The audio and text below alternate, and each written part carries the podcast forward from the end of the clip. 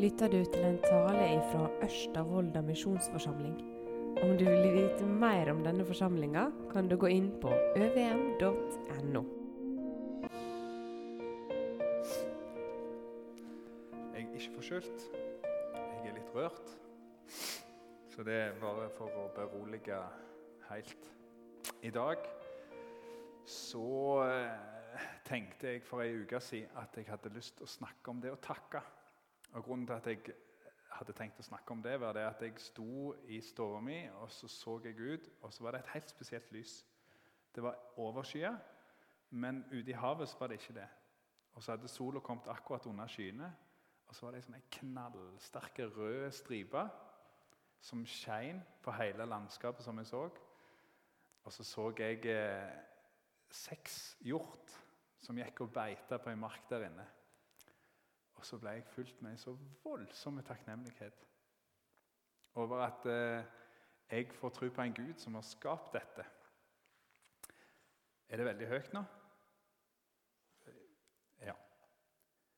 Og så var jeg ganske trygg på at det var det jeg skulle snakke om.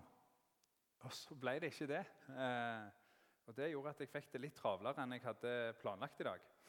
Jeg fikk nytta denne dagen fint i kjelleren og fikk forberede noe annet. Vi skal snakke om et liv i tilbeding. Jeg har lyst til å si noe om det å tilbe. Og Det er det veldig gode grunner til at vi som sitter her, skal bli minnet på før en eh, sommerferie. Og vi har godt av å bli minnet om hva tilbedelse er uansett. Fordi, som vi skal se i denne salmen, i Salme 95, så er vi skapt for å tilbe. Og allikevel så er det noe vi stadig slutter å gjøre. Enten fordi vi glemmer det, eller fordi vi faktisk nekter å tilbe.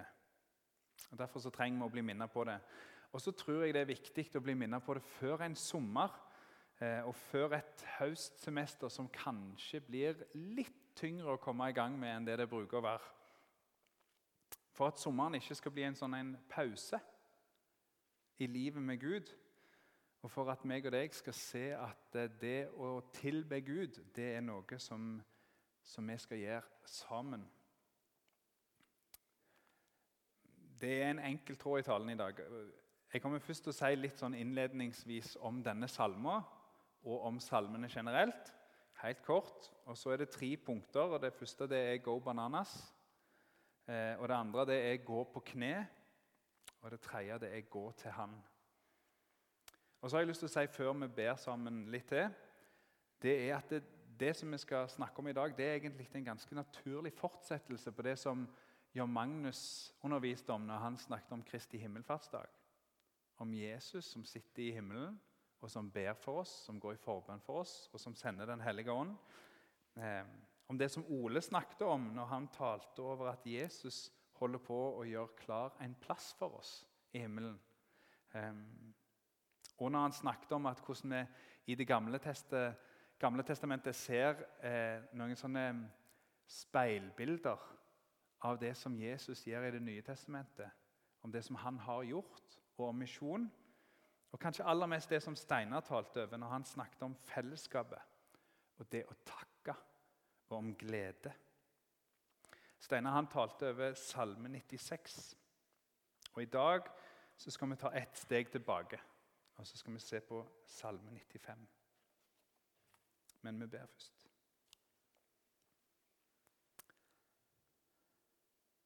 Far i himmelen, vi ber om at du må vise deg for oss. At du må sette oss der at vi ender med å tilbe deg. Og så takker jeg deg for at det er godt, og for at du er verdt det. Amen. Salmenes bok det er ei bok som vi finner eh, i Det gamle testamentet. og Det var Israels bønnebok. Israelsfolket brukte Salmenes bok til å be til Gud. Og Det er òg eh, ei bønnebok som Guds folk gjennom alle tider har fått bruke til nettopp dette til å sette ord på bønner til Gud. Salmene de er fulle av klage, ganske voldsomme klager, og sukk. Og noen er fulle av lovprisning og takk med noen ord som blir for, for store for hverdagsspråket. Og Sammen så viser disse salmene en bredde i det språket som vi som tror på Gud, har fått. Som vi har lov til å bruke når vi ber til Gud. Og Det sier ganske mye om Gud. Det sier oss at han er en som tåler at vi kommer med vår smerte og vår frustrasjon, og når vi er fulle av glede. Og så er det sånn at Enkelte av salmene i Det gamle testamentet er, er brukt i konkrete situasjoner. F.eks. når israelsfolket skulle få en ny konge, så hadde de noen kongesalmer som de brukte i sånne seremonier. Det var noen som var knytta til store feiringer, løvhyttefest og forsoningsdag. Og så var det noen som eh, hadde sine konkrete plasser i israelsfolket sin gudstjeneste. Og så var det noen som var sanger som de skulle synge når de var på vei til noen av disse feiringene. Den salmen som vi skal gå inn i i dag, den tror jeg kunne fungert i begynnelsen av en gudstjeneste. I vår kristne historie så har denne salmen fått et eget navn. Den heter 'venite'. Det er latinsk, det pleier ikke vi å spre så mye rundt oss, men det betyr 'å komme'. Å kom. Og Det er det som er denne salmen innledes med. Og så har han litt brukt til et kall til, en oppfordring til å tilbe, og en veiledning for hvordan kan vi tilbe Gud. Jeg vet ikke om du har tenkt så konkret over det. At det å tilbe Gud, det er å tro på Gud det er å ha tillit til Gud, og det er å leve sammen med Gud. Vi, på norsk så bruker vi ordet 'tilbe', altså å, å be til.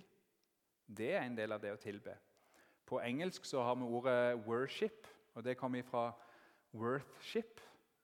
Altså vi setter ord på de tingene som er verdt pris, altså de, de tingene med Gud som er ver, verdig å prises på, eh, i Israel på denne tida. Det ordet som blir brukt for å tilbe på hebraisk, det er det samme ordet som blir brukt for å bøye seg.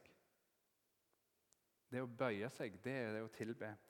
Og sånn som vi skal se i denne salmen, så, så, ser vi at tilbedelse det er egentlig alle disse tingene. Å be til Gud, og si de tingene om Gud som er verdt å prise. Og så er det å bøye seg for Gud. Nå skal vi lese denne salmen, og jeg skal prøve å gjøre det med litt sånn fund og klem. og Det håper jeg dere tåler. Mm. Eh, da kan dere slå opp i Salme eh, 95 hvis dere har det på telefonene deres eller en bibel med dere. Jeg trodde jeg hadde tatt med teksten her, men det hadde jeg glemt. Og så leser vi i dag. Kom, lat oss juble for Herren hylle vårt berg som frelser oss. La oss gå fram for Han med lovsang, hylle Han med sang og spel. For Herren er en stor Gud, en stor konge over alle guder. Han har jorddjupene i si hand og fjelltoppene i eie. Havet er hans. Han har skapt det. Hendene har forma det faste landet. Kom, la oss knele og kaste oss ned. Bøye kne for Herren, vår skaper. For han er vår Gud. Vi er folket han gjeter. Flokken i hans hand. Ville det bare høre hans røyst i dag. Gjør ikke hjertet hardt som ved Meriba, som den dagen ved Massa i ørkenen, da fedrene deres utfordra meg og satte meg på prøve, enda de så hva jeg gjorde. I 40 år hadde jeg avsky for denne slekta. Jeg sa de er et folk som fer vill i sitt hjerte. De kjenner ikke mine veier. Så svor jeg i min vreide. Aldri skal de komme inn til min hvile.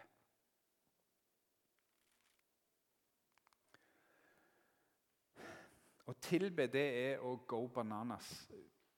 Unnskyld uttrykket, Men, men det er faktisk noe i det å go bananas.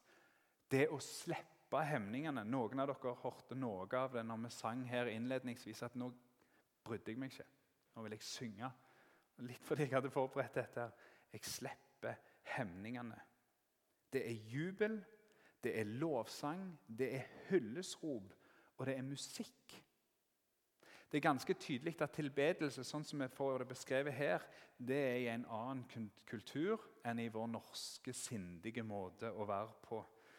Det nærmeste jeg ser for meg i vår norske kultur, det må være konserter for kanskje spesielt tenåringsjenter som ser sitt forbilde står på scenen helt euforiske og glade. De jubler. De ser kanskje en som faktisk forstår hvordan de har det. Kanskje noen som klarer å synge og sette noen ord på akkurat de tingene som de kjenner på inni seg. Eller bare et stort forbilde som de ser opp til. En sånn voldsom entusiasme. Eller kanskje det enkle engasjementet som du kan finne blant de som virkelig elsker en idrett og ser sitt lag eller sin utøver vinne den store finalen når Petter Northug fliser ifra resten av gjengen og raser over målstreken full av begeistring og glede. Eller kanskje i et 17. mai-tog der vi feirer frihet. Vi synger om glede og feirer et fellesskap. Jeg tror jeg det er ganske stor forskjell på 17. mai-tog. Et 17. mai-tog som var rett etter andre verdenskrig der tror jeg det dirra ganske kraftig og var preget av et større engasjement enn det det er i dag når foreldre springer etter unger med is og diverse. Nå er det ikke sånn at Jeg tror at tilbedelse er nødt til å se ut sånn som det gjør på en fotballkamp. Overhodet ikke. Men jeg tror at sann tilbedelse gir slipp på hemningene. Sann tilbedelse hengir og lovpriser på sin måte. En er ikke så opptatt av en, hvordan en sjøl ser ut lenger, for en er opptatt av noe annet. En er opptatt av den som en tilber. Etter at disse ulike måtene å tilbe blir beskrevet her, så kommer det et 'for'. Og Her er det en nøkkel for oss. Vers 3 innledes med et 'for'.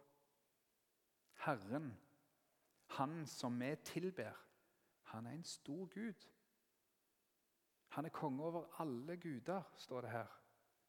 Han har makt over alle myndigheter. Han har kontroll over bunnen av Voldsfjorden, og han eier hver en fjelltopp som du kan se rundt deg. Havet er hans, og fjellet er hans. Fordi det var han sine hender som forma det. Det er ikke Justin Bieber vi synger for. Det er ikke TIL, Tromsø idrettslag, vi tilber. Og det er faktisk ikke Norge vi feirer. Det blir for smått. Vi tilber Han som har skapt det gresset som du får gå barføtt i i sommer. Han som ville at det skulle være både nektariner, vannmeloner, ripsbær, jordbær. Og derfor så skapte han det. Han som skapte både måne og sol han som ga oss den svalende skyggen og sola som varme. Det er han vi lovsynger. Han som både har sørga for kornet i skiva med brunost, og som har skapt mennesker med evner til å lage brød. Han som ga deg ei fjøre med tang og svala føttene i. Når det her står at Gud eier havet, det og at han skapte det, så er det noe vi her i Norge ikke så enkelt får med oss. Kanskje sunnmøringer, kanskje fiskere forstår det. For på denne tida så var havet symbolet på det ukontrollerbare, det skremmende.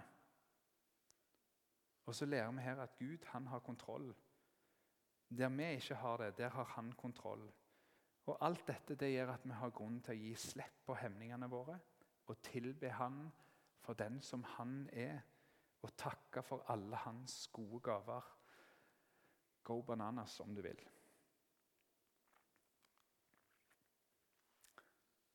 Og så er det nettopp derfor, fordi han er den allmektige som holder alle ting i sin hånd, at vi blir klar over at vi beveger oss i hans verden.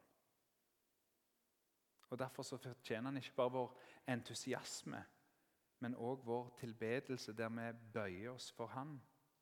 Kom, la oss knele og kaste oss ned, bøye kne for Herren, vår skaper. Det er veldig konkret språk. Med kroppen vår viser at Han er den som står over oss. Jeg vet ikke om du har prøvd det noen gang, å knele for Gud. I vår kultur så har vi ikke så mange områder der vi gjør dette, altså har et, sånn et fysisk uttrykk for at vi sier at du, altså den som står framfor deg, du står høyere enn meg, og derfor viser jeg det med kroppen min. Det finner vi i mange andre kulturer, på måten du bøyer deg på osv. I møte med Han som kjenner alle cellene i kroppen din, Han som har skapt deg, Han som kjenner de fortid og de framtid, han som har all makt i himmelen og på jord, så er det helt rett at vi bøyer oss. At vi sier 'du er Gud', og så er jeg menneske. Og så er det sånn at I dette avsnittet òg er det et 'for'. Og det er et fantastisk 'for'. For han er vår Gud. Vi er hans flokk i hans hand. Når israelsfolket får høre dette, så er det den Gud som fridde de ut fra slaveriet i Egypt, som blir beskrevet. Han redda de fra slaveri. Han førte de fra et land der de var i fangenskap, inn til et nytt land der de skulle få være et folk, og der de skulle få være hans folk. Og så leder han de. Når meg og deg leser dette her, når det er vi kristne som tilber, så er vi det folket som Gud frelste. Gud sjøl kom ned, og så tok han vår skyld, vår synd, på seg, og så gjorde han opp. Sånn at vi slapp straffa. Og så er vi redda, og så tilber vi, tilber vi Han. Han er den som leder oss nå på den veien som vi går på vei hjem til Han. Til Han sin hvile, himmelen, en evig fred hos Han. At den allmektige Gud, som holder både fjell og fjord og alt i sine hender, vil være oss nær og møte oss på den måten, det gir grunn til tilbedelse. Og så kommer grunnen til at jeg satt ganske lenge med dette. her. For det kom et forbehold, en advarsel bare Ville det bare høre hans røyst i dag? Ville det bare høre hans røyst i dag? Når vi går på kne, da setter vi oss i en posisjon der vi mentalt lytter til Han, der vi lar Han gjete oss. Og Så kommer det et avsnitt til slutt i denne salmen der han skifter person taleform. Det går over til første person. Gud snakker direkte, og så kommer han med en klar formaning der han sier noe om hva det er å ikke tilbe. Hva er det å ikke tilbe? Gjør ikke hjertet hardt som ved Meriba, som den dagen ved Massa i ørkenen, da fedrene deres utfordra meg og sette meg på prøve. Enda de så hva jeg gjorde. I 40 år hadde jeg avsky for denne slekta. Jeg sa de er et folk som fer vill i sitt hjerte. De kjenner ikke mine veier. Så svor jeg i min vreide. Aldri skal de komme inn til min hvile. Det er noen voldsomme ord. At Gud kan ha avsky. At han setter en sånn en strek. For å forstå hva Gud egentlig sikter til her, så må vi forstå hva hendelser han, han, refererer til. Hva var det som skjedde ved Massa og Meriba egentlig? Det leser vi om i 2. Mosebok kapittel 17. Og så kan du òg lese om en hendelse i 4. Mosebok kapittel 20. Og så er det sånn at Mange andre plasser i Bibelen så blir det referert til det som skjedde her, som en skamplett i Israels historie. Episoder hvor israelsfolket virkelig bomma. Hvor de gjorde opprør mot Gud. Vi leser i lag fra 2. Mosebok kapittel 17. Hele Israels forsamling brøt opp fra sin ørkenen og drog videre fra stad til stad, slik som Herren bød dem. De slo leir i Refidim, men der fantes det ikke vann så folket kunne drikke. Folket tretta med Moses og sa, 'Gjev oss vann, så vi får drikke.' Moses svarer, 'Hvorfor tretta det med meg?' 'Hvorfor vil det sette Herren på prøve?' Men folket tørsta etter vann. De klaga til Moses og sa, 'Hvorfor har du ført oss opp fra Egypt?' 'Vil du at vi og barna våre og buskapen vår skal dø av tørste?' Da ropa Moses til Herren og sa, 'Hva skal jeg gjøre med dette folket? Snart steiner de meg.' Herren sa til Moses, 'Ta med deg noen av de eldste i Israel og gå føre folket.' 'Og staven som du slo på Nilen med, skal du ta med deg når du går.' 'Se, jeg skal stå, fram, jeg skal stå framfor deg på berget ved Horeb.' 'Når du slår på berget, skal det strømme fram vann, så folket får drikke.' Moses gjorde som Herren sa framfor øynene på de eldste i Israel. Han kaller staden Massa og Meriba. For der tretta israelittene, og der setter de Herren på prøve da de sa:" Er Herren iblant oss eller ikke? Er det så gale å spørre om litt vann? Her er israelsfolket med familier, med buskap og dyr midt i ødemarka, og så er det ikke vann. Hva er problemet her? Hva er det som nettopp har skjedd? Det er det som er det avgjørende her. Hvis du leser de ti kapitlene som står før kapittel 17, så vil du se at alle disse ti kapitlene inneholder under som Gud gjør for å fri Israelfolket ut fra Egypt. Du kan se hvordan han sender plager for å presse farao til å gi slipp på israelsfolket for å drive dem ut. Du kan lese om hvordan han griper inn og deler et hav, sånn at israelsfolket får lov til å gå tørrskodd over. Og så leser du om hvordan Gud lukker det havet igjen over fiendene til Israel, for at de ikke skal ta dem igjen, sånn at Israel blir helt fri. Og Så leser du i kapittel 15 om Mara, en plass der det var vann, men vannet var så beskt og så dårlig at det gikk ikke an å drikke av det. Og så fikser Gud vannet, sånn at det er drikkbart. I kapittel 16 så forsørger Gud sitt folk med mannakorn midt i ødemarka. Han kommer med mat og gir dem. Det er umulig å forstå Det er umulig å ikke forstå at dette er noe som kommer fra Gud. Himmelen blir mørk fordi det kommer vaktler så de får spise. Han forsørger dem med mat. Israelsfolket hadde klaga da. De ville tilbake til kjøttgrytene i Egypt og heller være slaver. Og så kommer dette igjen. Det er ikke tillit til Gud. Det er et folk som har sett alle de undere som Gud gjør. Men så kommer de til Moses og Aron og klager over at det ikke er vann. Folket sin oppførsel det vekker avsky hos Gud. Han som gir alle disse gode gavene og tar seg av dem. Han som har fridd dem ut med mektige undertegn. Han opplever et folk som møter hans godhet med utakknemlighet og klage. Hvis du går til Hebreerbrevet i kapittel 3 og 4, så hentes det opp denne situasjonen. Og Da blir israelsfolket sin oppførsel beskrevet som vantro, mistillit. Folket ønsker ikke å stole på Gud. Jeg har strevd litt med denne hendelsen her, disse situasjonene. For du, du kommer borti det igjen og igjen.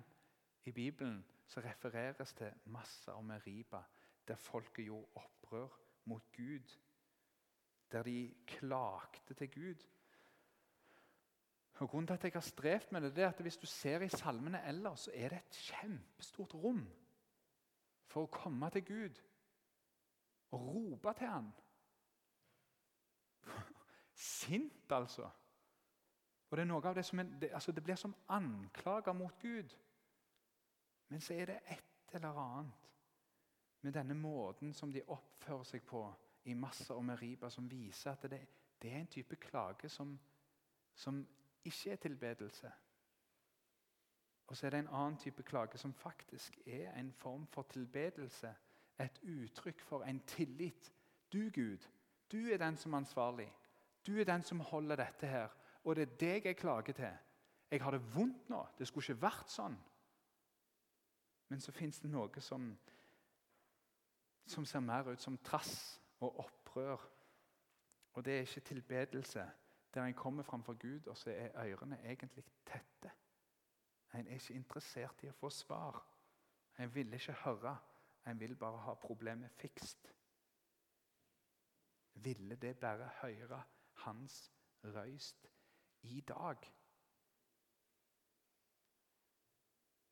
Dette er hyrdestemmen til Jesus. Vil dere høre på meg? Vil dere lytte? Han sier noe om hvem han er, at han vil være vår hyrde. Og så formaner han oss til å la oss bli forsørga og gjete av han i tillit. Vil det bare høre hans røyst i dag? I Hebreerbrevet kapittel 3, vers 12-14, der står det Se til, søsken, at ikke noen av dykk blir vond og vantruende i hjertet, og fell fra den levende Gud. Set heller mot i hverandre hver dag så lenge det heter i dag, så ikke noen av dere skal la seg forføre av synder og bli forherda. For vi har del i Kristus, så sant vi helt til det siste holdt fast på grunnlaget som vi hadde den første tida. Forrige onsdag så trakk Ingeborg fram det å ransake oss sjøl. Jeg klarer ikke helt å lande disse tingene her. Men jeg tror det går an å ransake seg sjøl og gå til Gud og snakke med Han om de tingene som vi klager med. Så fins det en måte å tilbe når en gjør det. Og Så leser vi her at vi skal sette mot i hverandre. Når vi tilber sammen, her i fellesskapet, i bibelgruppene våre, som trossøsken på veien, når jeg ringer til deg fordi jeg har det tøft, og vi ber til Gud sammen, da setter vi mot i hverandre.